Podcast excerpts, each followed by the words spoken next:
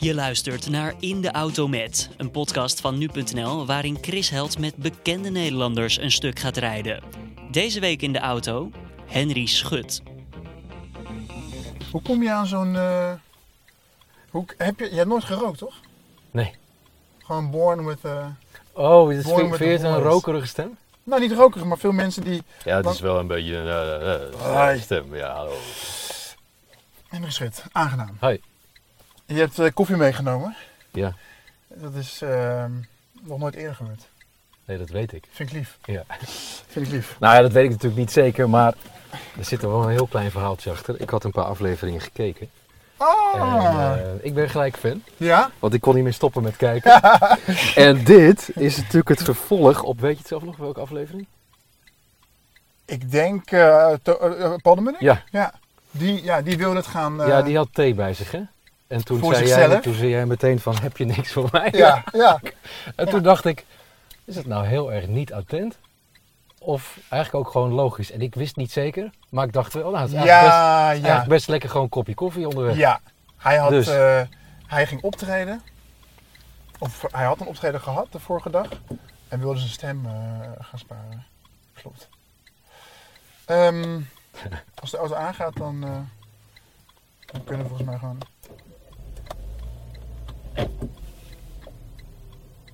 Yes.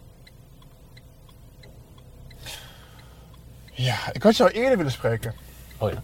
This is the reason. Ja, This is the president's maar dat, dat lukte niet, omdat je te druk had. Wanneer was het? Jaren geleden of Nee. ergens dit jaar? Voor de sportzomer. was Oh. dat. Maar ja, het is ook Ja. wel een hele drukke periode, hè? Ja, toen was het wel extreem, maar dat was mijn eigen schuld, want ik had er ondertussen ook even een boek geschreven. Ja. En ehm, ik wist niet dat dat echt helemaal zou samenvallen met die. Nee. Wat best wel naïef was, want ik had natuurlijk wel allerlei data en zo afgesproken en deadlines. Ja. Dus ik had ook wel kunnen raden dat dat net samen zou vallen, maar dat viel zo, bijna letterlijk in dezelfde, nee helemaal letterlijk zelfs in dezelfde week dat het WK begon. En dat wist ik dan weer niet, dus dat was toen wel even gek huis. Hoeveel dagen in de week werk je? Ik sta voor vijf dagen per week op de rol. Ja. Ik ben in vaste dienst, dus dan ben je gewoon vijf dagen per week eh, in dienst. Ja. Eh, maar ja, dat is bij ons natuurlijk de ene week twee dagen. Ja. Dat komt voor. Dat is wel heel overdreven, maar dat komt voor. En soms is dat een hele maand lang zeven dagen per week. Dus ergens zo, als je dat dan- door het hele jaar bekijkt, is dat wel een beetje gelijk getrokken vijf dagen per week. Ja, maar je werkt ook op vrijdagavond, Ja. zondag, de hele dag bijna. Als je een vrouw zou zijn, zou ik dan vragen hoe doe, doe je dat met de kinderen? Dus ik vind ook dat je het aan een man moet vragen. Ja. Hoe doe je dat met je kinderen? Eigenlijk is dat natuurlijk geen verschil. Nee. Nou, die doet mevrouw. Ja. Nee, dat is, ja, ja, dat is natuurlijk dan wel zo. Ehm, maar wij vullen gewoon samen de week. Dus als zij, eh, eh, we regelen het wel zo dat, kijk, to- toen wij een relatie kregen, Ja. toen had ik al deze baan. En, eh, Dat helpt hoor. Dat helpt, Ja. ja. maar het is ook gewoon zo. Eh, ehm, ik heb best wel eens de vraag gekregen van, eh, laten we zeggen, ehm, eh, zeer kritische, geëmancipeerde eh, journalisten. Zeg, waarom verdeel je eigenlijk niet gewoon netjes de weken met je vrouw? Ja. En toen zei ik dat omdat dat gewoon in letterlijke zin niet kan. Want en toen dacht ik, nou, dat, nu wordt het een heel lang verhaal. Dus heb ik om een heel lang verhaal heel kort te maken gezegd. Ik zeg, stel dat zij een baan heeft waarin ze ehm, net zoveel plezier heeft als ik, maar ook net zoveel verdient als ik. Want ik moet ook gewoon het gezin onderhouden en zo en het huis betalen. Ja. En de hypotheek betalen. Ja. Dan zou ik er best voor openstaan dat wij 50-50 doen. Ja. Want zij heeft af en toe, zij werkt ook in de media. Zij heeft eh, eh, zo nu en dan eh, freelance klussen. Dat is haar werk nu. Ja. En dat is dan voor drie dagen in de week. En dat is, is toevallig net nu weer eentje aan het afstemmen. En die stemmen we dan dus af op, ja, niet alleen mijn werk, maar dat is natuurlijk wel een extreem geval. Hè, met inderdaad vrijdagavond werken en zondag overdag. Maar wij stemmen dat op elkaar af. Maar een, een, hele sportzomer dan? Als je... Dan heeft zij dus even niet zo'n freelance klus. De, de, de, de, de klus daarvoor eindigde een maand voor de sportzomer. En dan werk ik me de sportzomer de pleuris. En, zij, Ja. eh, en dan is kinderen zij hebben schoolvakantie. Eh, ja. Hoe hou je dat dan in? Ja, door de dagen dat je wel vrij bent er wel voor ze te zijn. En, eh, en door eh, eh, opa een handje te laten Ja. helpen. Ja. Dat soort dingen. ik zat te denken, helpt het niet ook dat jij in contact bent met topsporters die ook heel veel offers brengen voor hun werk? In geval dat jij misschien je gezin mist en je kinderen mist, is dat, is dat een soort Ja, dat je denkt van, oh ja goed, aan de andere kant ge- brengen ze ook gewoon offers. Dus ik weet niet zo goed of het helpt. Eh, want zo vaak heb je daar natuurlijk ook geen gesprek over met topsporters. Want die zijn ook druk. ja, Eh, maar ik heb dat wel eens gehad inderdaad, ja. En dat, eh, dan, dan kom je erachter dat het op een bepaalde manier ook topsport is die je zelf bedrijft. ja, Dan niet per se lichamelijk, maar wel inderdaad met de enorme druk die erop kan staan. Ja. Met, met de lange reeks van eh, uit huis zijn. eh, ja, en dat het gewoon heel heftig kan zijn. En dat je, hoezo heel heftig? nou, als je eh 30 dagen achter elkaar werkt Ja, en ook niet een flutprogrammaatje waar toch geen hond naar kijkt, maar dat er echt de druk van de hele voetbalkijkende of Olympische Spelen kijkende Ja. natie bovenop zit. Ja, dat, is, dat, dat, daar, daar, dat, dat vreet wel energie. Nog steeds of kan je er beter mee omgaan? Ik kan er beter mee omgaan. Dus ik weet ook beter hoe ik die energie eh, dan eh, moet verdelen. En eh, de, de positieve energie er weer in te stoppen, zodat je zo'n reeks ja, op en top doorkomt. En dat is inderdaad wel een soort vergelijking met topsport. Je moet op bepaalde momenten pieken. En dat leer je wel. Hoe dat moet en wanneer dat moet. Eventjes een gemene vraag. Jouw vader was best wel getalenteerd voetballer, toch? Heb ik Ja. begrepen. Ja, Oké, die nou, heeft hoogste amateurs gespeeld. En dat was in zijn tijd recht onder de eerste divisie. veel theaterrecensenten zijn vaak geflopte regisseurs, miskende acteurs. Dat heb je ook bij de muziekjournalistiek, popjournalistiek. Is er een parallel tussen jou, zeg maar, tussen jouw sportverslaggeving en misschien een carrière die in het verschiet lag voor, eh, als, als sporter zijnde? Nee, ja, nee. Ja en nee. Want ik had gewoon Je kijkt heel erg mee hè, met rijden. Vind je het moeilijk? Nee, dat is eigenlijk. Nee, dat is gewoon dat gebeurt tijdens het, tijdens het luisteren. Oh. Dus nee, ik, ik, want eigenlijk kijken namelijk helemaal niet. Terwijl het heel gek is, want dit is mijn buurt nog. Ja? Dus ik ken hier alles. Maar eh, nee, ik, eigenlijk let ik helemaal niet op. Oké, oké. Eh, wat was de vraag? De vraag, de, de vraag was eh, of er jou, of, of zeg maar je sportjournalistiek iets kan compenseren. Een carrière bijvoorbeeld die je, die je voor ogen had op het sportgebied. Ja, nou ja, eigenlijk, volgens mij vroeg je eigenlijk of, er- of ik een geflopte topsporter ben. Dat ben ik. Gefrustreerde, geflopte top. ik ben wel een geflopte topsporter, maar die flop was al heel snel rond, zou ik- zou ik maar zeggen. Ja? Nee, ik had helemaal geen talent voor. eh, tenminste, ik heb gevoetbald natuurlijk, omdat mijn vader voetbalde. Ja. Eh, dus dan ga je vanaf jongs af aan mee en dan speel je zelf eh, in het jeugdteam. Ja. Eh, maar ik speelde in een jeugdteam van een club waarvan alle jeugdteams er maar één was. Hè. De, de- dus we hadden een. Ik zat in de E1 en in de D1 en in de B1, want de B2 was er niet. Ja. Dus daar zat alles, van wel talentvolle jongens tot en met jongens die er niet zoveel van konden.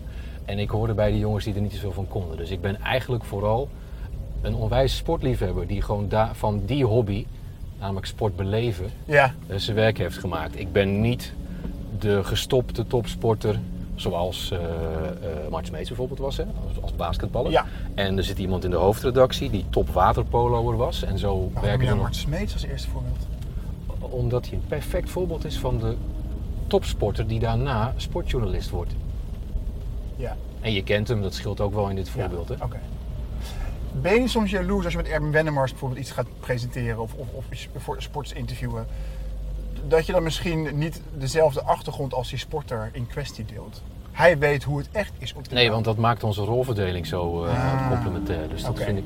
Ik Ben zeg je wel heel va- denkt van... Nee, ik zeg wel heel vaak tegen topsporters als we achter de schermen praten over Ja. een kar- Zoals Erben bijvoorbeeld, die heeft.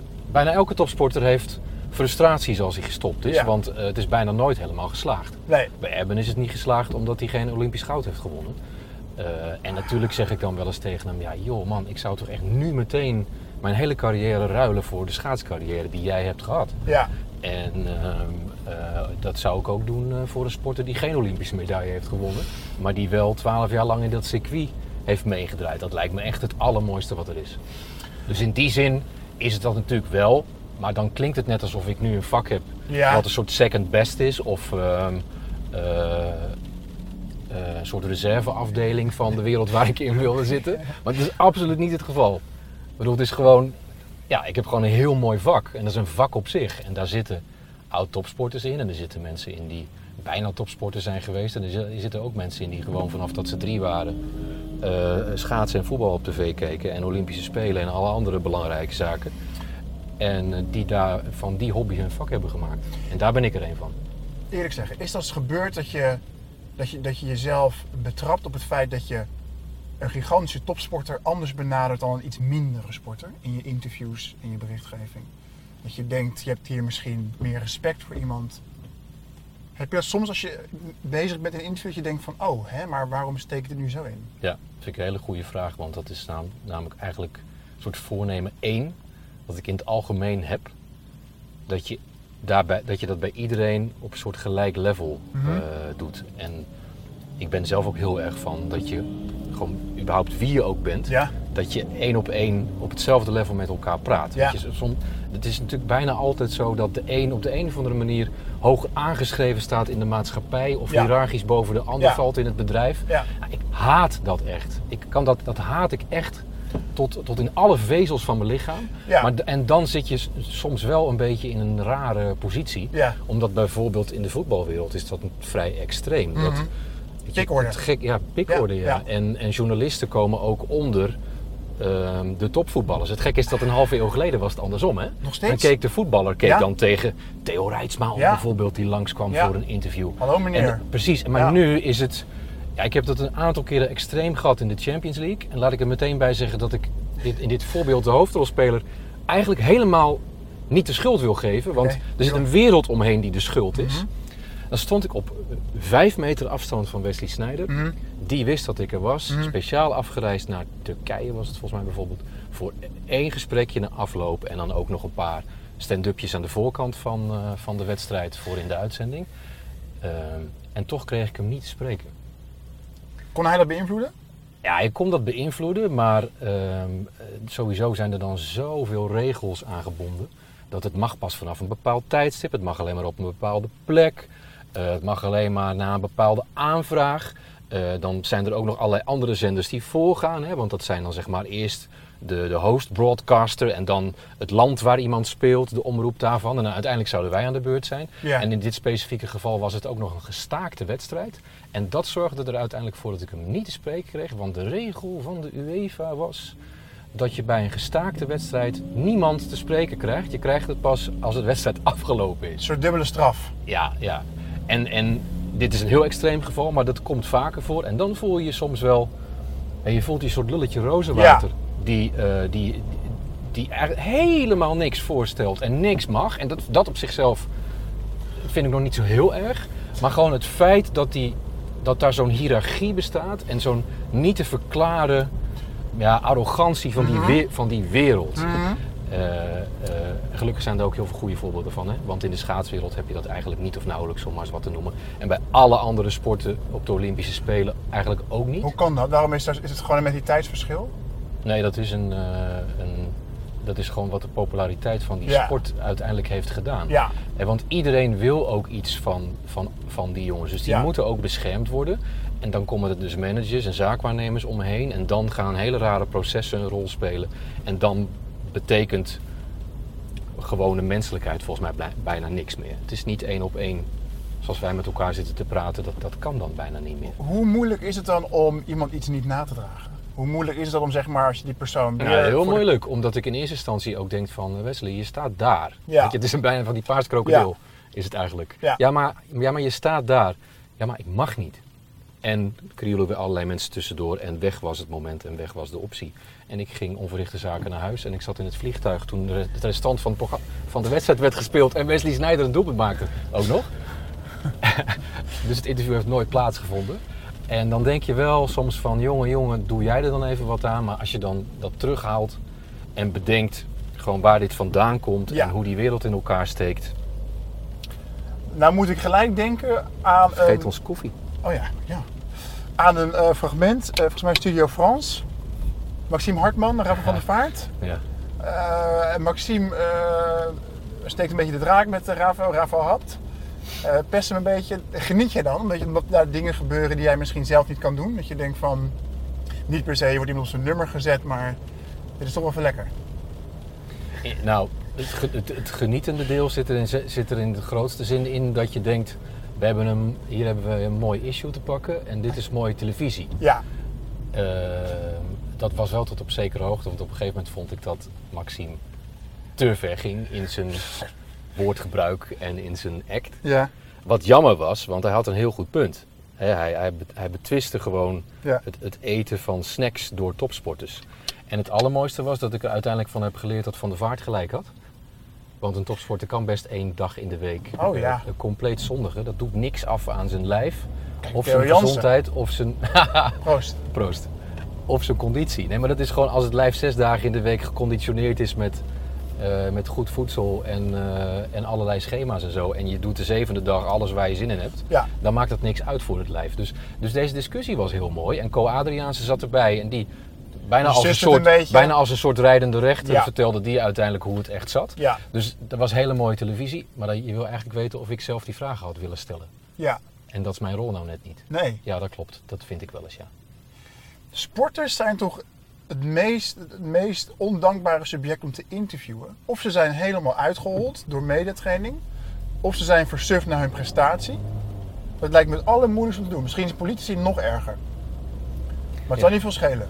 Ik kan het niet vergelijken, maar eh, ja, het is, ook dat is weer in sommige opzichten waar. Hè? Een voetballer na een wedstrijd, Ja, verschrikkelijk moeilijk om daar een interessant gesprek van te Ja. maken. Daar hebben we trouwens wel op vrijdagavond, vind ik, een, een redelijk aardige modus voor gevonden. Door hem niet ehm, met een camera eh, zo ter plekke te interviewen, maar Ja. door hem voor de camera te zetten ja, en eh, in de camera te laten kijken en met de studio te praten. Waardoor het een net iets andere situatie wordt. En als je dan mazzel hebt, moet je ook mazzel gewoon hebben hoor, want het is ook net wie er staat. Dan krijg je vaak wel een ander soort gesprek. Maar ik ben het in algemene zin totaal niet met je eens, omdat ja, ik heb nog dit jaar in Korea met de Spelen geweldig gesprek met Jorien ten Mors gehad. Die Mhm. in huilen uitbarstte op tv. Ehm, en eigenlijk inhoudelijk, of zeg maar als eh, ehm, situatie, nog veel mooier gesprek met Kjeld Nuis na zijn tweede goud en zijn vriendin die ook rij ging tribune huilen. zat. Ja, Kjeld ging huilen, maar dat eigenlijk Waarom doet jaag jij zo op eigenlijk, eigenlijk, Ja, waarom is dat? is dat, hè? Dat heb ik wel heel erg eh, aan ik wilde net gaan zeggen dat het eigenlijk... Ja, bij, bij Jorien spraken die tranen heel erg. Maar bij Kjeld was, eh, was dat een, een soort minor detail in een heel goed verhaal... wat zijn vriendin vertelde Ja. over hoe hij thuis was... en hoe spanningen thuis hem overnamen... en de situatie thuis overnamen... en hoe ze daarmee om zijn gegaan... en hoe ze dat overwonnen hebben.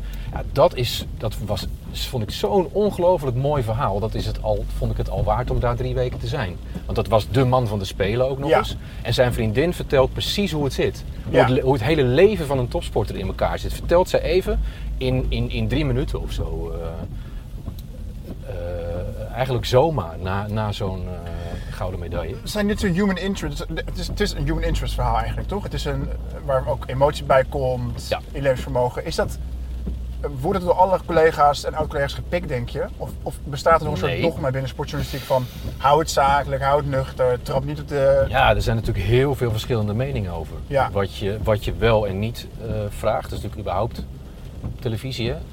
Je kan, Mhm. RT je kan eh, RTO Boulevard eh, betwisten om bepaalde onderwerpen. Ja, dat is natuurlijk bij ons ook wel. Maar ik vind wel...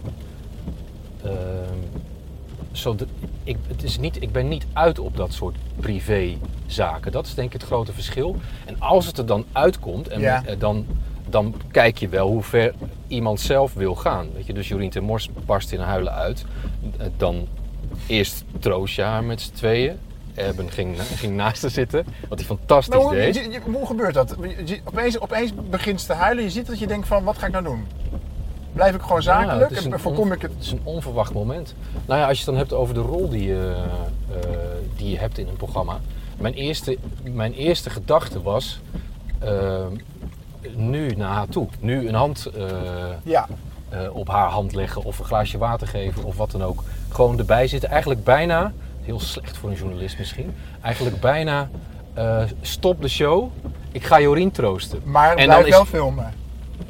Dat was niet meer in mijn hoofd. Echt ser- serieus niet meer. Echt? Nee, echt. Maar en dan meteen daarna schieten een heleboel andere dingen joh, door je hoofd. Namelijk, eh, oh, dit is zo'n moment. Dit is zo'n tv-moment dat je, eh, eh, waarvan ik er zelf heel veel heb gezien. En waarvan je heel vaak dacht, wat stelt hij nou een stomme vervolgvraag? Of, Ah. of oh, wat zijn ze nu uit op emo-tv en zo. En gelukkig ging Erben toen naar haar toe. Dus Maar dat ook, was ja, al de oplossing van... Barend Award. Denk jij dat serieus dan meteen? Nee, toch? Nee. Nee. Maar wat ik... Maar, dat- maar meteen daarna denk je... eh, oh nee, dit, we zitten in een televisieprogramma, dus je gaat nu door. En meteen daarna dacht ik ook... eh, als iemand nu haar moet troosten, is het Erben. Want dat is mijn sidekick en dat is precies zijn rol. ah, Eh, en, toen, en, en daarna nam eigenlijk gewoon gelukkig het gesprek het van me over. Dus ik weet eigenlijk niet eens meer precies wat ik heb gezegd. dat gebeurt dan gewoon. Ja, dat gebeurt gewoon, ja. En ehm, ik heb daarna nog wel één keer teruggekeken en toen dacht ik, oh, je stelt één eigenlijk heel minuscuul vervolgvraagje. En daardoor vertelde zij wel wat ze nog erover kwijt wilde. Dus, Heb je ze laten liggen dan? Weet je, Of- of- Nou, dat, dat, Dat- geen idee. Oké. Omdat je, je weet niet dat, wat alle andere antwoorden op alle andere vragen zouden zijn geweest. Ja. En ehm, je weet ook niet of je het compleet kapot kan maken door zelf iets heftigs uit haar leven eh, Mm. op te gooien. En zij was een, een speler eerder eh, eh, haar vader verloren. Eh, en, maar daar kwam ze nu dan wel zelf mee, want dat was ook het moment waarop ze begon te huilen. Dat ze aan haar vader dacht en dat ze dan tijdens de rit iets riep of dacht te- tegen haar vader. En daar kwamen de tranen. Dus eigenlijk had ze het ook al verteld. Weet je, het was ook niet eens meer per se dat je, nog, dat je er nog heel veel meer uit zou willen. Had je het anders Eh. durven vragen? Had je anders het, het, het, het, het onderwerp willen, willen noemen? Haar vader, het overlijden van haar vader, denk je? In principe durf ik dat wel te vragen, ja. Maar ook dat gaat wel weer naar hoe de sfeer is in Ja, zo'n ja, ja, eh, zo'n uitzending. En je moet je voorstellen dat de ene Olympisch kampioen komt daar praten en die gaat als het ware op de sofa. Ja.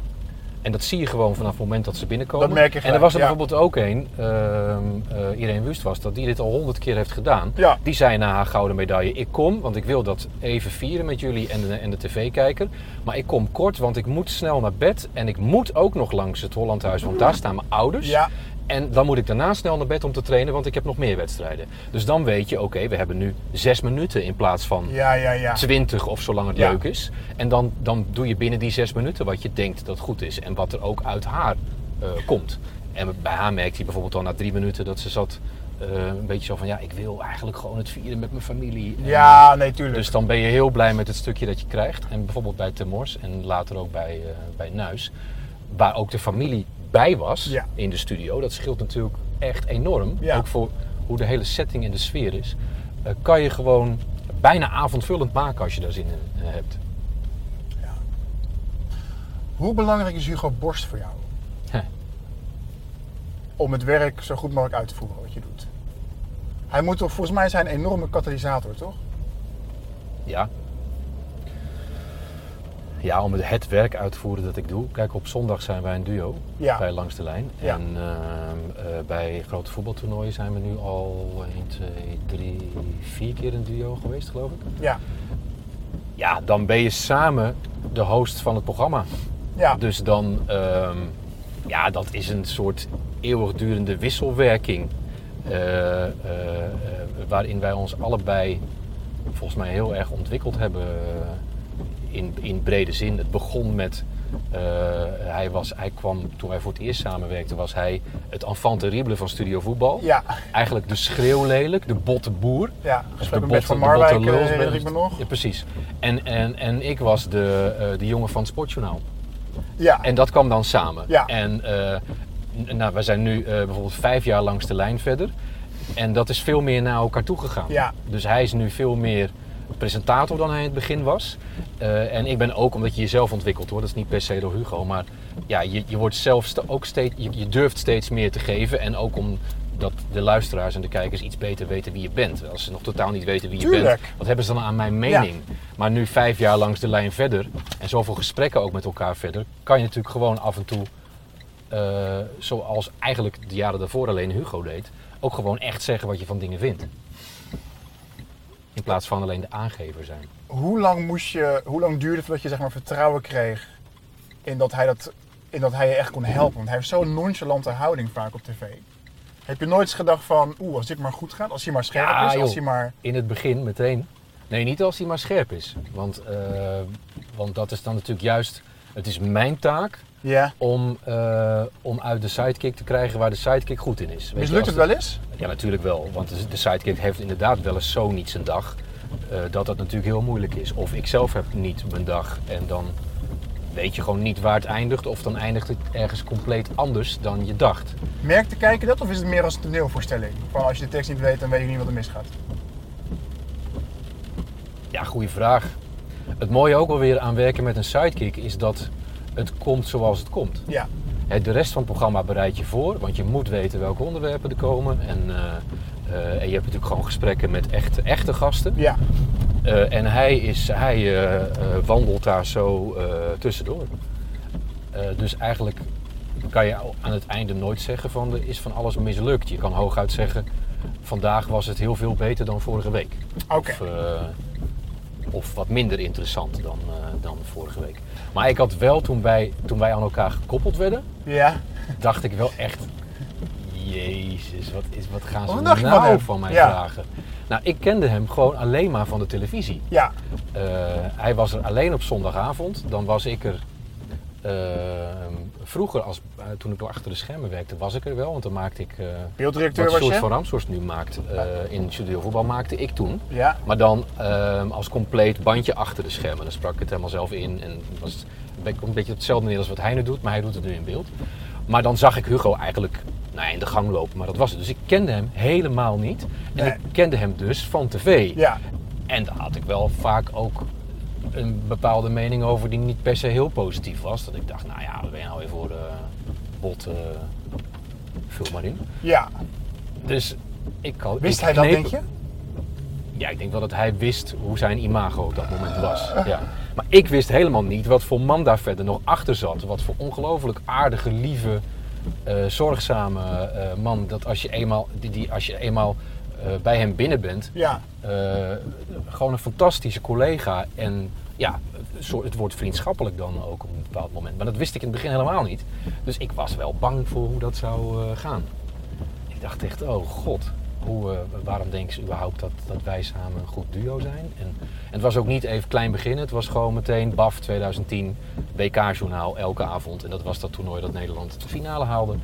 Dus dat was ook hè? gewoon tot en met de finale Oh. knal, knal, knal, knal, knal. Ja. Was heerlijk natuurlijk achteraf. Ja. En Maar dan, op dag 1, met al je spanning, denk je wel, hoe gaan we de komende maand hier doorkomen? ja. Daarna heeft het Nederlands elftal jullie echt wel in de steek gelaten. In 2014 hebben ze ons nog ontzettend geholpen. Ja, oké.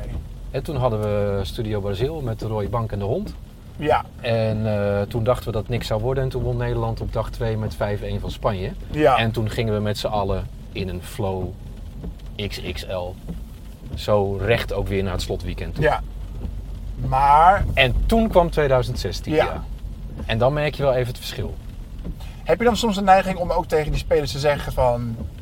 Jullie hebben gewoon mijn hele sportzomer verneukt? dat kan natuurlijk niet. Maar ik herinner me bijvoorbeeld Nee. een interview van Jack van Gelder met bijvoorbeeld Guus Hiddink. Of met Danny Blind na de 1-0 tegen IJsland. Die echt niet verhult dat hij gewoon kwaad is. En ook misschien wel bepaalde journalistieke normen laat varen door eh, echt zijn mening te geven en echt bepaalde antwoorden gewoon te eisen. Ik vind het wel mooi dat je daarin ook gewoon je, ehm, je supportershart of je, nou misschien nog meer je sporthart laat spreken. Ja, Want Dat is natuurlijk de, het rare wat, wat altijd bij ons zo'n soort strijd eh, eh, heeft in je lijf. Dat je, je bent aan de ene kant liefhebber, dus je Mhm, kijkt gewoon als mhm. liefhebber. En je hoopt als liefhebber dat Oranje weer naar zo'n sportzomer gaat. Want Ja. dan hebben we met z'n allen een leuke zomer Ja. op sportief gebied. En ondertussen weet je ook dat het je werk is. Dus je weet inderdaad ook dat als Nederland van IJsland verliest, dat er een, ook werktechnisch gezien een, een hele andere klus aankomt Ja. eh, die zomer. ja, En eentje ook die ik nog helemaal niet kende. Want ik had dat alleen maar gedaan met Oranje erbij. Dus hoe in godsnaam verwacht een kijker eigenlijk precies dat wij dat dan doen als Oranje er niet bij is? En, en hoe leuk wordt het dan nog? Precies. En, en eh, willen ze dan dat wij heel sec een beetje over die wedstrijden praten en dan ophouden? Of willen ze van ons toch nog wel weer een soort sfeervol avondvullend programma? Ja. We hadden echt geen idee. En ehm, wat, ik- wat ik al wel wist, is dat als zo oranje het goed doet, en dat heb je op de Olympische Spelen ook, als de sporters het goed doen, dan vinden de mensen ons ook een stuk leuker. Ja, Want iedereen is vrolijk. En dat is dus totaal niet onze verdienste. Weet je, dan Nee. krijg je er gewoon als plus bij. Ja. Maar toen dacht ik wel, oké, maar als Oranje er dan dus niet bij is, krijgen we dat er als min Ja. waarschijnlijk Ja. bovenop. Dat we eigenlijk, we kunnen het voor heel veel mensen eigenlijk al niet meer zo goed doen. Want wij kunnen niet zo plop toch even Oranje er nog in eh, schuiven. Dus eh, ja, dat was wel, eh, dat zijn wel dingen. Een unieke combinatie van zelfverzekerdheid en tevredenheid. Zo noemde een journalist jou vier jaar geleden. Tevredenheid? Ja, Oh. dat straal je uit. Kennelijk. Oké. Vind je dat gek? Nee, ik weet alleen niet precies wat dat te maken heeft met als je op de buis komt. Dat je dan tevredenheid Tevreden? Uitstraalt. Tevreden over je positie? Over eh oh ja, lekker maar in je vel ik zitten wel. misschien? Ja. Ik moet wel zeggen, en ik ga het ook gewoon tegen je zeggen, want je ziet er super goed uit. Dat vind je ook belangrijk. Dank je. Alleen ik vraag me wel af waarom sommige kleding voor jou, waarom het zo strak moet. Ja, ik vind het helemaal niet grappig ook. maar ik wel. Maar waarom Eh. is dat? Je hebt toch, je zegt, jij, wat ik tof vind aan jou, je zegt van, ik heb geen moeite mee om te zeggen dat ik ijdel ben. Nee, dat vroeg iemand de laatste keer. Ja. Als iemand dat vraagt, waarom zou je dan eh, zeggen dat het niet zo is? Ja, Want nou, ik wil niet zeggen dat als je zo'n soort vak doet als wat wij doen, dat je dan ijdel moet zijn. Maar het wordt, het wordt, het wordt je bijna opgedrongen, want je moet natuurlijk wel ook enigszins verschijnen, zou ik maar zeggen. aha, En, en aha, oké. Ja, ga door. ik weet totaal niet waar dit antwoord heen gaat. Nou, Nee, ik vind het namelijk een heel lastig onderwerp. Ik vind het zo'n raar, ingewikkeld woord, ijdel zijn. Ik vind het ook eerlijk gezegd een totaal onbelangrijk woord. Want eh, waarom, heeft elk, waarom heeft elk waarom huis een spiegel? XL, waarom draag je een XL en waarom pak je die L? Bedoel je nu een jasje of wat bedoel je Ja, of een blouse? Nou. de, het, Ik, stel het- ik, ga, ik ga de vraag anders stellen. Je, je, je, je schuurde Nee, net ik, namelijk kan het antwoord wel geven. Maar die stelt, die stelt best veel vragen tegelijk. Ja, terwijl dat- ik nog niet. Ik had nee, het antwoord klopt. van drie vragen geleden nog niet Ja, gegeven. wat vind dus je dat zat nog een beetje in mijn hoofd. Nee, dat vind ik wel goed van je. En je maakt me er scherper van. Maar ik was nog eigenlijk een antwoord sorry, aan het formuleren van drie vragen geleden. Ik leid ons Ehm, even door de jungle. Maar dan doe ik nu toch even die LXL, want daar komt het dan misschien op neer. Eh, ik ben er niet op uit om op televisie eh, te laten zien van kijk mij lijf nou eens Waarom eh, zeg je dat nou? Waarom zeg je niet gewoon... Omdat dat ik- echt zo ik- is. Ik investeer hier veel tijd in. Ik vind het belangrijk. Dit geeft me rust. Dit geeft me focus. En ik wil het graag uitstralen. Nou, omdat het net iets anders ligt dan dat. ik wil het best zeggen, maar dan lieg ik. Dus dan is het een beetje gek. Kijk, ik vond het ooit heel belangrijk dat mijn uiterlijk klopte. Dat was toen ik twintig was en toen ik dacht, eh waar slaat dit op joh, dit, eh, dit slanke klote lijfje. Dus toen ben ik gaan trainen. Toen ben ik, heb ik een 15 Ik kilo... wil even onderbreken. Baal je nu niet weer dat je er hier weer over moet beginnen? Weet je? Dat je denkt van waarom gaan we nu weer... Ja, Oké. een beetje, maar ja. Gespierde spijker zeg je zelf erover. Eh, ja, ik was een gespierde spijker. Maar, maar vanaf het moment dat dat opgelost was, vond ik dat, misschien is het ook wel logisch, ineens niet meer zo belangrijk. Maar dat komt dan misschien omdat ik dat probleem niet meer had. Maar de reden dat ik nu nog zo vaak sport, is... Kijk, natuurlijk is het leuk om te zien dat het er goed uitziet. En dat zou ik ook echt meteen toegeven. Ja. Maar de reden dat ik, dat, niet, dat ik niet drie keer per week sport, dat het er ook gewoon goed genoeg uitziet, maar vier of vijf keer per week, is omdat ik me er gewoon ontzettend lekker bij voel. Er een veel beter mens van word, veel aardiger en ook nog veel beter ben in mijn werk daardoor. Ik ben net ook wezen sporten. Mhm. Daardoor eh, heb je nu een veel leukere persoon naast Ja, je zitten dan als ik kalm. tot nu toe vandaag niks had gedaan. Ja. Dan was ik een beetje, eh, denk ik, een soort zoutzak eh, meer geweest dan nu. En dan heb je gewoon wat minder energie. Dus, het, dus, dus dat is voor mij heel belangrijk. En op televisie, dat is het simpele andere antwoord, tellen nou eenmaal hele andere wetten, kledingtechnisch gezien. Als ik een XL zou aandoen van bepaalde dingen die ik in het dagelijks leven wel gewoon kan dragen, dan lijkt dat op televisie al snel flubberig en dik. Oké. Dus dat is de reden. En er zit nog een dingetje aan vast. Als je, als je voluit in, vol, van top tot teen in beeld staat, is het gewoon fijn in een programma waarin je energie wil uitstralen dat je er letterlijk strak uitziet. Dan is het figuurlijk ook een strakkere show. Snap je wat ik bedoel? dan stel ik- Als jij een flubbertrui je aandoet of je doet een pak aan waarbij het om je middel niet goed Ja. zit, niet goed is ingenomen, niet goed is aangepast, dan zakt dat naar beneden. Dan ben je een soort plumpudding-achtig figuur en dan straal je ook al veel minder energie uit. En dat is voor de kijker thuis ja, een stuk minder prettig. Tom Egbers, Mart Smeets zijn niet afgetraind. Nou, Moet, dus, een, moet een presentator, sportpresentator voldoen ook aan een bepaalde fysieke maat? Nee. Om de reden die jij net geeft. Dat Nee. De, de, de, de kijker wil gelijk de affiniteit zien met de sport. Met, eh, met het atletische vermogen. Hij wil daar een strak persoon zien, een fit persoon zien. Nee, dat verschilt heel erg per persoon. Ja. Maar eh, kijk, eh, kijk, Mart is one of a kind. Hè, dat, daar hoorden op een gegeven moment de Noorse truien en zo bij. Ja. Als je het dan hebt over onderwerpen die vervelend zijn. Ik denk dat hij gek wordt als de zoveelste vraagt wanneer heb je voor het laatst de Noorse trui gedragen, Mart? Ja, Of, maar maar, maar eh, eh, Tom of Sjoerd of Jeroen of Dione. Ja, natuurlijk kleedt iedereen zich om energie uit te stralen, om iets prettigs uit te stralen. Maar het is natuurlijk niet één op één de andere kant op dat je dan niet iets te dik mag zijn. Of, eh, of dat je dan per se Iets- heel iets te gespierd dik. moet zijn. Iets Of, te dik. iets dat ik mag. ja, ken jij mensen die veel te dik zijn dan? Op tv? Ja, Ja. ook bij sport? Ja. Ja. Ja, oké. ja. Ja. Maar het is hetzelfde als Harry Ja. Mens business class zou presenteren in een, eh in een Hawaii hemd. Of in een tanktop. Dus je ook denken van, eh, hè, dit correspondeert helemaal niet met de, met de inhoud. Nee. Maar ik wil ook niet Nee, maar ja, weet je, dat zijn wel, dat zijn natuurlijk geen vastgelegde regels of zo. Eh, Jack of, als je, of Frank Evenblij, ook in sportprogramma's bij de concurrent. Dat zijn, dat zijn op een hele andere manier weer mensen die een bepaalde meerwaarde in Ja. hun programma hebben. Ja. En eh, Frank zal ook de eerste zijn om toe te geven dat hij dat gebruikt. Dat postuur, dat, eh, dat bepaald niet sportief is. Nee, Eh, maar dat is dan juist zijn handelsmerk. Ja. En, en hij is een fantastische character die, die daar heel veel pluspunten mee scoort. Maar ik, wat ik je nou net uitlegde is redelijk persoonlijk op mij geënt. Maar ook op dat je gewoon in een strak decor, in een strak sportjournaal staat.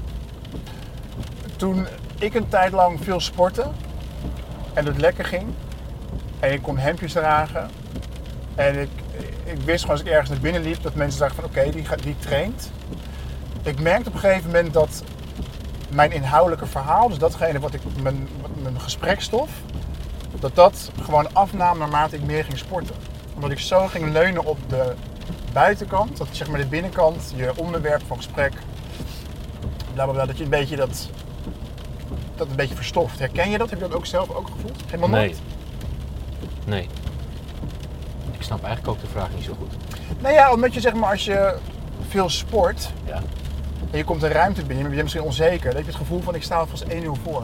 Ik hoef mensen Ah. dus niet meer echt te imponeren met een soort leuk onderwerp. Nee joh, nee. Jammer. Ja, vind je jammer hè? Ja, ik dacht dat we je dat een bepaalde... Ja, dat we misschien konden delen. Ik wil, ik wil er best over praten met je. Wil je er iets over kwijt? Ik ben mijn Ja, boek vergeten is- voor je mee te nemen. Ja, dat vind ik Kom maar. jammer. Maar we gaan zo ophalen, Slecht toch? zeg. Ja, die gaan we zo ophalen. Ja, want ik ben ook voor de tweede keer vader geworden. En ik zoek wel echt tijd om, om te sporten. Maar dat gaat nog wel, maar alleen het eten. Het eten is gewoon... Het gaat weer een paar dagen goed en weer een paar dagen weer niet. Je moet er iets voor over hebben. Of ik denk, ik moet, ik moet enorm gaan bulken, want dan ga ik groeien. Ja, maar dan krijg je weer een pasta buik of zo. Is het, Oké, eh, maar het begint erbij, wat wil je? Massive gains. Ja? Ja. Heel groot worden. Ja man. En strak. Niet, ik hoef geen pens. Dat vind ik het hardst. Toch? Dat is toch ook vet als je kinderen zo'n papa hebben. Je wil geen pens. Je wil, Nee. je wil een strakke... Ik wil gewoon groot worden. Oké. Nou, dan is dat je doel. Ja. En eh, ja, daar kan je toch dan gewoon keihard aan werken. Ja, Wat is, het, wat is het punt? Ehm, Te weinig tijd om te sporten? ja, of het, vers- of het versloft gewoon weer op een gegeven moment. Dat is discipline. Ja. Maar ik je boek wel lezen. Het gaat erom hoe graag je het wil. Ja. Ja. Ik, eh, ik wil iets. ehm, dat ga je misschien niet leuk vinden, maar ik wil, ik wil iets voor altijd recht zetten. je kleedt het al mooi in. Eh, ik heb gelezen dat jij columnisten of mensen die publiekelijk iets zeggen over jouw tv-presentatie, dat jij die verzoekt om een dialoog over hun uitspraken. Klopt dat? Nee. Dat is onzin. Ja. Wauw! Ja. Dan moet het zo kloten zijn dat iedereen dat, tenminste iedereen, dat je dat gewoon leest. Toch? Jij bent die dude voor veel mensen Ja. die in de pen klimt. Als Ja. iemand zegt van, yo, ik vond je echt suf. Ja. Of, Ik heb dat... eh, dat heb je gewoon nooit gedaan. Ik heb het wel eens gedaan. Oh. Maar dat is iets anders dan, dan wat er inderdaad geschreven is. Wat ik laatst eh, onder mijn neus geschoven kreeg. Ja. Dat het een publiek geheim is in Hilversum. Dat ik columnisten aanschrijf en de discussie met ze aanga. Om te beginnen denk ik niet dat Hilversum wakker ligt van, eh, van mij en mijn problemen. Het lijkt me heel ongezond. En eh, ik heb dat in, hoe lang presteer ik nu? 13 jaar? Ik heb het in 13 jaar twee keer gedaan. Eén keer was, ik weet het al niet eens meer waarover dat ging. Ik denk dat het in 2016 was of zo. Het was iets heel onbenulligs. Ik was gewoon benieuwd. Ik weet niet meer of het nou over, over kleding was of. Want het was, weet je, was echt over zo'n zo'n detailachtig ding. Dat ik het oprecht niet snapte Ja. waar het over ging. Ja. Dus ik dacht, nou, dan is het best handig om te vragen wat er bedoeld wordt. Ja. Dat was één. En de tweede keer had ik nooit van mijn leven moeten doen, want eh, eh, dat is de mevrouw waar het nu over gaat. Dat was eh Angela, Angela de Jong, ja. Columnist van AD. Ja, dat was toen ik terugkwam van de Olympische Zomerspelen van 2016. Ja.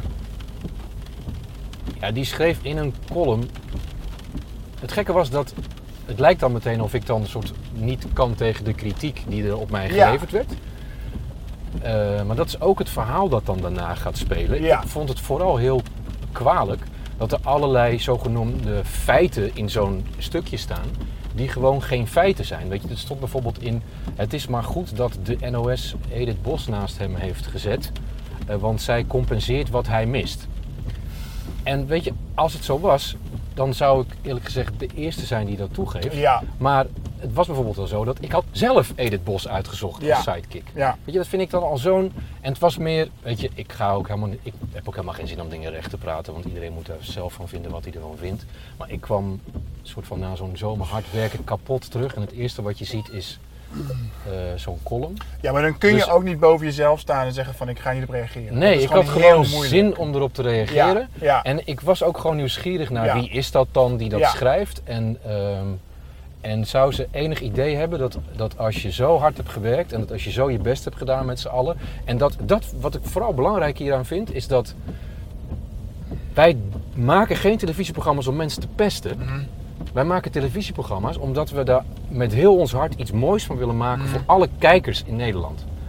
En dan lijkt het net alsof ik dingen doe om expres slecht te zijn of iets doms te doen of mensen zich te laten ergeren aan me of zo. Oh, ik ja, doe dat met. je? Ja? Nee, maar snap je? Het is Ja, meer dat ik moet bijna op het matje komen omdat, ik, omdat er iets niet aan mij klopt volgens iemand. En dan, dus ik, nou ja, dus ik schreef eh, haar aan. Natuurlijk niet vriendelijk, maar, maar ook niet eh, eh, onder de gordel of zo. En daar kwam niet echt een, een mailwisseling uit, want ze reageerde eigenlijk nauwelijks en laat. En prima.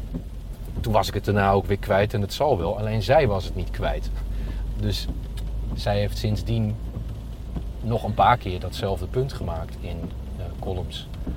En dat is haar goed recht. Ja, Alleen vind ik het wel gek dat je steeds hetzelfde punt wil maken. Want ik weet nou wel dat je geen fan van me bent.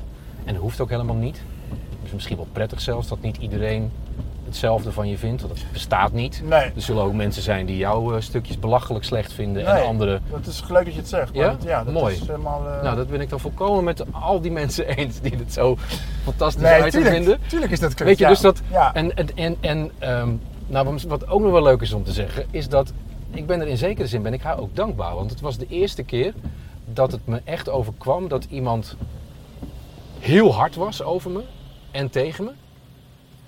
En dat komt gewoon de eerste keer heel hard aan. Ja. En nu heb ik geleerd dat dit bestaat, weet je wel. Het is gewoon, het is in het leven zelf ook zo. Er zijn gewoon mensen die je niet aanstaan en vice versa. Ja. En mensen die ruzie met je maken terwijl je zelf denkt waarom. Eh, en daar heb je gewoon mee te dealen. En ehm, wil niet zeggen dat ik het toejuich eh, dat iedereen maar altijd overal kroms over moet schrijven en zo. Want ik vind er nog een, heel, een heleboel andere dingen van.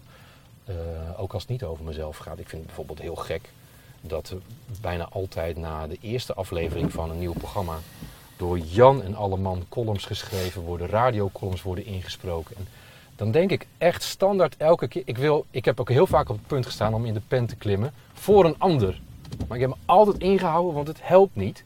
Alleen nu je erop, eh, er iets over vraagt, wil ik er wel iets over zeggen. Ik denk bij al die mensen, hoe was jij op je eerste werkdag? Ja. Hoe was jij bij je eerste eh, grote column of show? Of Ja. Hoe was jij bij je eerste aflevering van deze rubriek? Mm. Iedereen, bijna iedereen, geen schim van hoe je later was. Dat, dat heeft tijd nodig. Nou, die tijd krijgen wij bij Studio Sport heel vaak niet. Hè? Als Ja. wij Olymp- een Olympisch programma maken, dan moet het op dag 1 staan. In compleet nieuwe omstandigheden, op een nieuwe locatie, met nieuwe gasten, met een nieuwe sidekick, met nieuwe items. En na één aflevering, takken de tak, tikken de tik, iedereen vindt er iets van. En dan is het heel moeilijk ook om, ehm, om daar los van te blijven. Want mensen zeggen ook wel eens, als, als ze me hierover eh, spreken, dan kan je toch heel makkelijk gewoon dan ehm, niet opzoeken en niet lezen. Mm. Maar dat kan dus Nee, niet. Nee. Het overkwam me zelfs letterlijk dat, eh, dat het voor mijn neus lag in de trein. Of ik wil ook de nieuwsapps bijhouden. Dus Ja. ik scroll door de Telegraaf-app en door de Parool-app en door de Volkskrant-app en door de AD-app. En plop, daar is je column. Ja. Of eh, ik wilde nog even iets eh, zoeken over Rafa van der Vaart in 2016, toen die een van mijn sidekicks was. En de eerste treffers die je op Google dan krijgt, zijn de meest recent geschreven stukjes daarover. En je hebt de kop meteen gelezen. Dat is een oogopslag. Dus het, dus het komt op allerlei manieren ook bij je terug. En, eh, en dat zijn wel dat zijn heel vervelende eh, elementen daaraan. Ja. Je raakt het niet meer kwijt. Nee, maar laat duidelijk zijn dat het een heel raar soort framing is dat iemand zegt dat het een publiek geheim is dat ik dit eh, ongeveer dagelijks of wekelijks doe. Dat is absoluut niet het geval. En ik vind het nog veel kwalijker dat ze het doet om eh, zichzelf te verdedigen tegen het feit dat ze privé-mails heeft gebruikt in een column. Want dat was waar het vandaan kwam. Hè? Ja. Een heel, heel terechte vraag aan haar was: waarom gebruik jij privé-mail om een volgende column over te schrijven? En toen was het antwoord niet waarom ze dat goed of slecht had gedaan, maar het antwoord was dat het toch een eh, publiek geheim is. Dat je het een heel Dat ik dat- Met een notitieblok. Ja, precies. Terwijl je zou kunnen stellen dat het... Je, mag het best kunnen mogen achterhalen bij collega's. Nou- waarom schrijf je het? Waarom doe je dit? Waarom gaat dit zo? Dat is misschien nog als je er puur inhoudelijk op wil ingaan. Waarom zou je dat eigenlijk niet doen? Ja. Ja, maar goed, dat is nu het issue niet. Eh, want ik vind dat iedereen het volste recht heeft als hij vindt dat hij eh, onheus bejegend wordt door wie dan ook, dus ook in een column, Ja. om er iets over te zeggen. Er was laatst toch nog iemand die, eh, een schrijfster die, zo, die een, eh, een boek over zichzelf had geschreven, die in een column eh, heel persoonlijk werd aangevallen in plaats van op haar boek. En toen oh, schreef, ja. ik vind het Saskia prima. Noord, denk ik. Ik, nee, die was het niet. Het, was, het ging wel over een boek over seks. Eh, maar die schreef, en dat, die schreef toen een ingezonden brief in de krant. Ik vind het prima dat je een recensie over mijn boek wil schrijven. Maar Ja. nu heb je mij als persoon gerecenseerd. Ja. En dat vind ik gek. Ja. Nou ja, dat soort dingen. Dat is toch hartstikke leuk ook dat dat gebeurt. Ik vind ook dat columnisten dan niet zo op hun teentjes getrapt moeten zijn. Want dat is wat je kan terugverwachten als dat jouw vak is. Ja. Punt. Of niet? Jawel. Ja? Ja. Maar, het is, het, ja, maar is, het dan, is dat dan wisselgeld van, van je televisiebaan? Is dat iets wat je ook maar misschien dan moet accepteren? Ja, en maar daar zit precies de discussie, hè?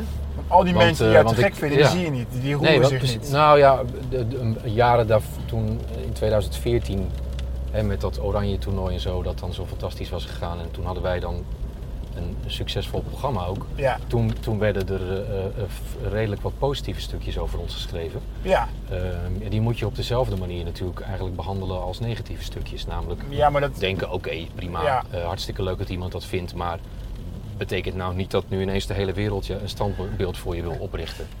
Nee. Dat denken soms Maar dat is wel. natuurlijk wel een stuk leuker. Ja. Ja. Nou, nee. Nee? Nee, natuurlijk niet. Hoezo natuurlijk niet? Nee, maar ik, dan had ik toch een heel ander vak gekozen. Als ik heel graag door iedereen heel goed gevonden had willen worden of zo. Dan was ik toch acteur geworden of... eh, Ik weet niet, maar je schrijft wel eh, steeds meer op naar eh, een beetje talkshow-achtige dingen. toch? Jawel, maar ik blijf dienend aan de materie. Dat is ook mijn stijl en dat is ook wie ik ben. Ja. Ik ben dienend aan de programma's die ik maak. Dus aan de gasten die ik heb. Ik wil mijn sidekick laten schitteren. En natuurlijk ben ik zelf ook een persoon. Dus je zal ook steeds meer iets van mij daarin terugzien. Maar ik ben wel, ik sta in dienst van de materie. In dit geval de sport. Dus eigenlijk altijd. Maar Ben je wel eens vroeger tijdens gymnastiek als laatste gekozen? Of tijdens voetbalpotjes? nee, Nog nooit? niet dat ik me kan herinneren. Dus het heeft in elk geval geen pijn gedaan. Wat, hoe, maar hoe ga jij je kinderen zeg maar, opvoeden in, op het gebied van, van sporten? Je gaat zeggen sport is belangrijk. Eh, winnen is belangrijk. Nee. Nee, winnen is helemaal niet per se belangrijk. Winnen is wel leuk als het je overkomt. Ja. Het is wel grappig dat je dat zegt, want eh, mijn kinderen hebben wel een periode gehad dat het daar zo naartoe... Kijk, vooral jongens willen altijd strijden tegen elkaar. Hè? Dus bij ons thuis is het bijvoorbeeld een... Ik heb twee zoons en één dochter. Ja. De dochter is het jongst. Dus die jongetjes, die, zijn al, die, die hebben al lange breedte leeftijd gepasseerd dat die strijd begint. Het zijn Ja. nu zeven en zes. Ja, dat alles was een strijd. Dus Ja. wie het eerste bij de voordeur was als we thuis kwamen. Ik heb gewonnen.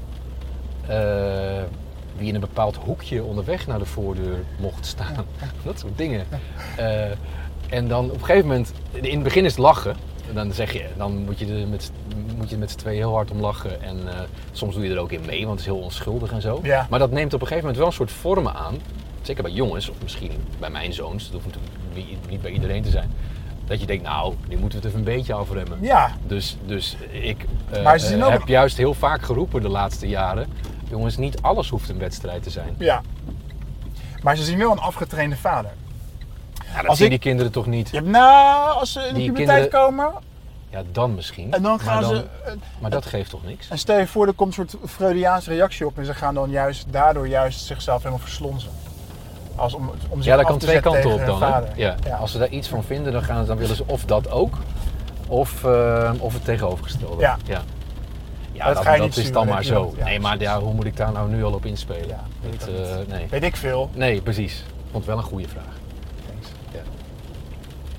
Ja. Als ik in de sportschool ben, dan ben ik wel een een van de ouderen. Ik ben 36. Ja. Heb jij dat ook? Nee. Nee, ik heb in de sportschool echt met alle leeftijden. En ook mannen, vrouwen eh, van alle leeftijden. Wat heel leuk is. Luister je muziek in de sportschool? Niet bij alle oefeningen, omdat soms gewoon eh, het draadje van mijn iPod in de weg zit. Ik heb gewoon nog een iPod. Er zijn dan twintigers die aan me vragen, wat is dat voor ding? en, Een eh, defibrillator. en waarom heb je dat? Ja, precies. Ja, het is een eh, pacemaker. En eh, ja, nee, maar dus als het kan luister ik muziek eh, tijdens de fitness. Volgende situatie. Je zit op, een, op zo'n machine. Je doet van die chest inclines. Je bent net begonnen en er komt iemand die vraagt aan jou hoeveel setjes moet je nog. Irritant.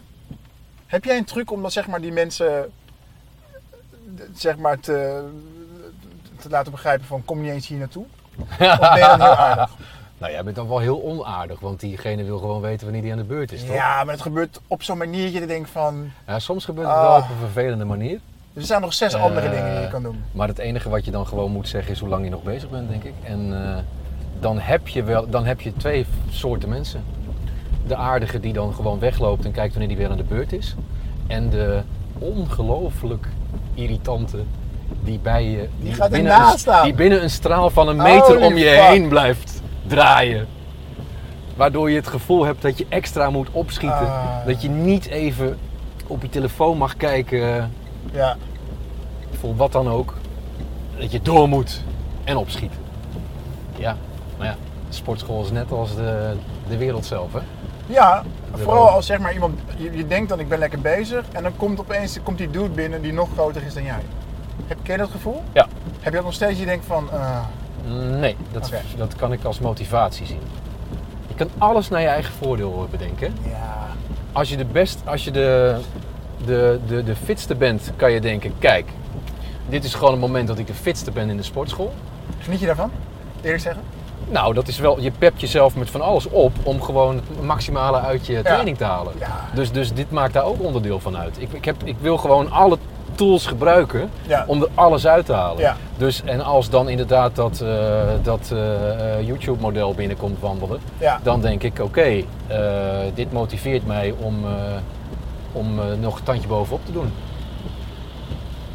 Je- ik, ik voel me wel eens sexy in de sport, sportschool. Dat heb je ook, toch? Toch? Nou, sexy, ja. Jawel, dat je denkt van... Sportschool is wel, een is wel, het is wel een apart dingetje natuurlijk. Ik bedoel, je het hebt over ijdel zijn. Ik wilde straks zeggen, in elk huis hangt een spiegel of meerdere. Dus volgens mij is bijna iedereen ijdel. Maar in de sportschool is het natuurlijk gewoon dat je de hele tijd in de spiegel staat te bekijken eh, hoe het eruit ziet wat je aan het doen bent. Maar het is niet dat je de hele tijd denkt, like zo, what I'm seeing, ben Henry." ik even sexy zeg. Nou. Nee. Mijn seksleven is wel beter als ik, als ik veel regelmatig sport.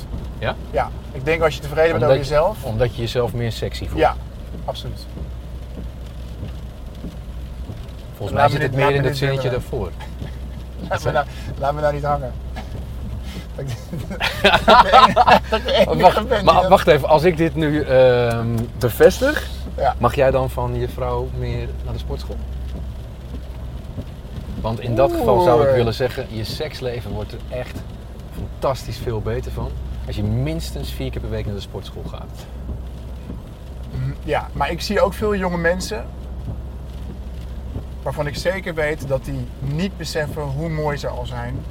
En die over 10, 15 jaar terugkijken en denken van, Jezus, wat heb ik me een zorg Ja, gemaakt en wat zat ik slecht in mijn vel. Dat is natuurlijk hetzelfde met al die botox inspuitende begin twintigers en zo. Ja, Dat, daar begrijp ik echt helemaal niets van. nee. Nee, ja, zelfbeeld, ja, is, 20 jaar. maar zelfbeeld is wel een, is wel een ingewikkeld eh, begrip Mhm. binnen ja, überhaupt eh, alles, maar ook in de sportschool inderdaad. Want daar, maar dan, dan ga je er wel automatisch van uit dat mensen in de sportschool zijn om dat zelfbeeld op te krikken. Of om er per se mooier van te worden of gespierder of zo. Terwijl het is ook gewoon sport wat iets lekkers met je lichaam Ja, doet. Hè? strong body, Dus- strong mind. Ja, ik bedoel, er zijn echt best wel veel dagen dat ik expres ga om die energie te pakken. Ja. Dus dan maakt het helemaal niks uit of ik de loopband op ga of aan de gewichten ga hangen of eh, op die roeimachine ga zitten. Ik wil die lekkere energie door mijn lichaam voelen stromen. Dat is ook een facet van, eh, van fitnessen en van de sportschool. En eigenlijk het leukst. Hoe ver ben jij gegaan in ehm Dodgy supplementen? En Dorji betekent eh, over de grens. Ja, dat je dacht van, dan heb ik niet over creatine waar je ook niet lang mee moet doorgaan, maar echt over dingen waarvan je denkt van, dit is eigenlijk niet goed en dit verkopen ze ook eigenlijk niet in de sportwinkel. Je hebt nooit anabolen genomen? Nee. Nee. Wel in aanraking mee gekomen? Ik heb wel in de sportschool jongens gesproken die dat gebruikten. Ja. En daar ook heel veel vragen over gesteld. Omdat ik heel graag bevestigd wilde hebben dat het heel goed is om het niet te nemen. Ja. En dat wordt ook alleen maar bevestigd. Dat is het Ja. gekke ook van gebruikers. Die dan dus zeggen, ja, eh, het is eigenlijk een soort van voor de... Ik, ik maak even een heel lang verhaal van ze heel kort. Dus eigenlijk gewoon om de kick te voelen dat je even heel groot opgepompt, gespierd wordt. Of waar je dan ook aan wilde werken, dat dat Ja. binnen een hele korte tijd werkt. Ja. En daarna zak je als een plumpudding in elkaar. Dus je moet het blijven gebruiken. Het is slecht voor je lichaam. Je kan er, je kan er eh, onvruchtbaar van worden. Eh, je wordt er heel humeurig van. Je krijgt er een dikke kop van. Er zitten zoveel nadelen aan. Dat het, dat heeft dan ook niks meer te maken met braaf zijn of over de schreef willen gaan of, of het avontuur willen zoeken of zo. Het is gewoon ontzettend dom. Maar echt ontzettend dom. En het heeft op de lange termijn ook helemaal geen goed effect op je. Nee, maar die, ehm, die, die, die eh, hoe noem je dat ook weer? Die, die pre, eh, hè? Pre-workout. pre-workout. Ik kreeg er laatst weer eentje in een Pas winkel. op wat je neemt, hè, want je neemt hele scheppen suiker gewoon eh, in je mond. Ja, maar ja, dat. En ik, ik, ik, ik, ik werd er helemaal gek van, joh. Ja. Het tintelt en je bent helemaal aan het... eh, Klopt, heb je, ik ook wel eens gehad, ja. Alsof je in een wollen trui aan het sporten bent. Ik dacht, wat is dit? En het verraderlijke aan al, al dat soort spul is dat je, dat je er expres te veel van gaat nemen. Omdat je, dat, Mm. dat, ik, het- dat had ik helemaal in het begin, hè, toen ik nog die kilo's erbij wilde, dan denk je van oké, eiwitshakes. Mm. Je hebt iets gelezen. Oké, ik ga dus nu eiwitshakes nemen. Hé, hey, één eiwitshake per dag. Dat zie je gewoon aan je lijf vrij snel. Ja, Nou, dan neem ik er twee. En scoop. toen, en toen, en toen, en na een tijdje was ik echt, ik was echt binnen een mum van tijd 15 kilo aangekomen. Vetmassa of spiermassa? Nou, ik dacht spiermassa, maar het was dus een combinatie van Ja. eh, vet en spieren. Want al die suikers en zo, die je daar ook natuurlijk naar binnen schuift Ja. bij die eiwitshakes en allerlei ander voedsel, dat zet zich om in vet. Maar toen Ja. was ik dus binnen mum van tijd was ik 95 kilo, terwijl ik kwam van 77. Wow. En eh, toen dacht ik, nou, oké, doel bereikt. En nu weet ik dat daar zat nog minstens 10 kilo vet aan, Ja. als het niet meer is. Eh, maar, dat is, maar dat grappige is dan, dus dan ging dit groeide en dit groeide en dit groeide en dit groeide en alles werd groter. Maar hier werd het ook groter. Dus ik had op een gegeven moment echt een pens van de eiwitshakes. Hoe kreeg je hem eraf dan? Cardio. Ja, gewoon kappen met die shit. Hoe lang duurde dat? Ja, bij mij heeft dat heel lang geduurd omdat ik het laatste stukje niet. Weet je, het laatste stukje van echt. Als je echt heel strak wil worden. Ja. Nou, ik had dat toen voor die, voor die Men's Health Shoot, dus toen moest het een soort van. Als je daar eenmaal ja tegen hebt gezegd, dan moet je dus. Dat is gewoon letterlijk bijhouden wat je eet. Dus je personal trainer zegt tegen je: jij eet 2400 calorieën per dag. En dat liep dan op een gegeven moment op tot eh, 4000, maar dat maakt, gaat, maakt even niet uit. Dan moet je je houden aan dat getal. 1000. En, dat, en als je het helemaal goed wil doen, moet je ook de verdeling eiwitten, koolhydraten, vetten ongeveer goed doen. Maar het gaat erom dat je niet. Het is eigenlijk heel simpel. Weet je, als, je, als jij op gewicht wil blijven, dan moet je dus altijd eten wat je nu eet. Ja. Als jij af wil vallen, moet je dus altijd ietsje minder eten vanaf nu dan, eh, dan, wat je, dan wat je nu eet. En als je wil aankomen, moet je ietsje meer eten dan wat je nu eet. Maar dat weet je natuurlijk niet precies. Want jij hebt zometeen zin in een zak patat. Ja, hoeveel calorieën zitten daarin als je die haalt? Of eh, zitten er ook calorieën in koffie? Of Nee. weet ik veel. Nee, koffie is geloof ik één calorie, dus het slaat nergens op. Eh, maar als je dat letterlijk bijhoudt en je traint heel goed, dan heb je het resultaat dat je wil hebben. Wat is het percentage dan van voedsel, zou je zeggen, in het bereiken van je doel? Hoe zwaar weegt het mee? 40 procent? Ja, dat vind ik eigenlijk gelul, omdat in- dat iedereen wil het altijd in percentages omzetten. Maar dan is het, weet je, het uitgangspunt is, Mhm. je traint hard. Mhm. En, en binnen dat uitgangspunt zou je kunnen zeggen, is het wel 70% belangrijk dat je voedsel klopt. Want als je voedsel dan niet klopt, Ja, dan heb je te weinig aan dat trainen. Ja. Eh, en eh, als je bijvoorbeeld veel te veel eet, dan, eh, dan kom je alsnog, word je alsnog dik. Ja. Er lopen jongens in mijn sportschool rond, die trainen heel hard, maar die zien eruit als een moddervet tonnetje. Ja. Die Ja. eten dus niet goed, of veel te, wat ik toen ook had, of veel te veel eiwitshakes, of noem het maar op. Het is gewoon de afpassing, het is de fine-tuning van je, ook van je sporten. Hè? Want, want je moet eigenlijk ook weten wat je, wat je er aan energie instopt Ja. qua sporten. Als jij vandaag je eigen circuitje doet en morgen dat ongeveer weer, maar je hebt morgen iets minder zin. En je let iets minder op hoeveel kilo er aan die eh, stang hangt. Ja, dan heb je al anders getraind. Dus ik doe vier keer in de week wat mijn personal trainer me oplegt. Die heb je nog steeds. Exact. Ja, ja. Dat doe ik ook zo exact mogelijk wat hij wil. En ik hou in de loop van de week redelijk exact bij, in een appje ook, wat ik eet. En dan ben ik nu bezig om te kijken hoe, hoe, hoe ik dat kan laten vieren. Want ik kan het natuurlijk niet altijd volhouden. Als je uit eten gaat, weet je het niet precies. Maar dat is niet erg. Tenzij je elke dag uit eten gaat twee keer. Dan zijn er net iets te veel maaltijden dat je het moet gokken. Wat je wel eens doet trouwens, staat ook op internet. Ja, klopt. oh, oh. Nou, hij ging echt pas net op groen, meneer. Dus ik weet niet wat je wil. Nou, goed. Zou je nog even iemand aanrijden op het laatste? Oh, hou op. Heb je wel eens gehad, of niet? Ik heb het wel eens gehad toen ik eh, jongens moest ophalen. Ehm, volgens mij. Die gasten van. eh, niet Caribbean Combo, maar. Ja, van die comedians. Ja, Jan Dino en zo. Nou, nee, het was Oh. weer, het was weer een eh, editie later. Is het, is het sowieso moeilijk om heel geconcentreerd te interviewen en te rijden? Nee, want het versterkt elkaar. Ja? Ja, maar ik was Is uit in Utrecht met het hetzelfde type concentratie of zo? Ja. Maar, en, en, het, en het is ook fijn als ik zeg maar een rotvraag moet stellen.